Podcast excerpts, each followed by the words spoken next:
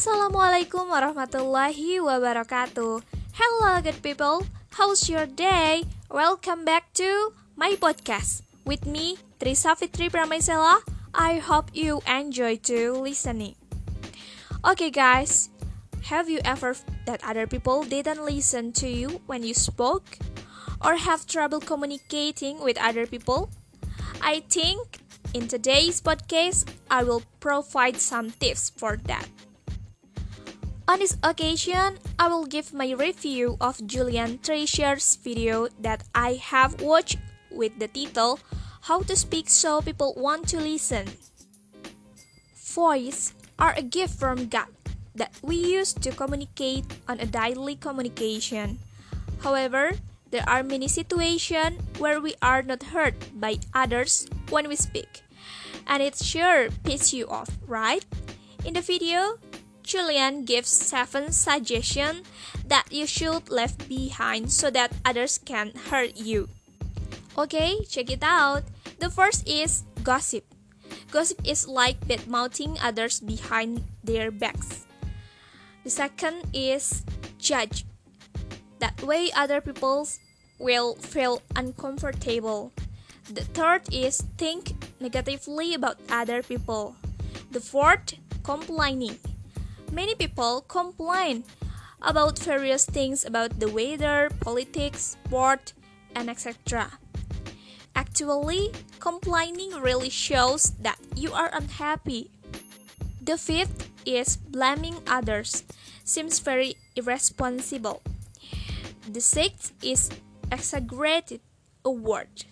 Seventh is mixing facts with opinion and impose your most correct opinion. Okay, there are seven things you should leave so that other people don't feel disturbed.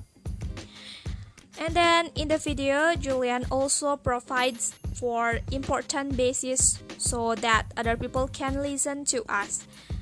These four things are shortened to HAIL. H for honestly. Be clear and straight. A for authentic, authenticity. Be yourself. I for integrity. Integrity be your word. L for love. Love with them well. And the next, guys, there are also some things that must be considered to train your voice. The first is register. Second is timbre. Third is prosody. Fourth is pace. Fifth is pitch. And the last is volume. And then you can do exercise like this at home. The first is raise your hand Take a deep breath and exhale. Ah. Second is warm up with the lips and say ba ba ba ba ba ba ba ba ba. The third is then say brrr, brrr, to relax your lips. The fourth is warming on the tongue. You say la la la la la la la la la. And the fifth is say like campage to the tongue. And the last is say like a siren. O and out.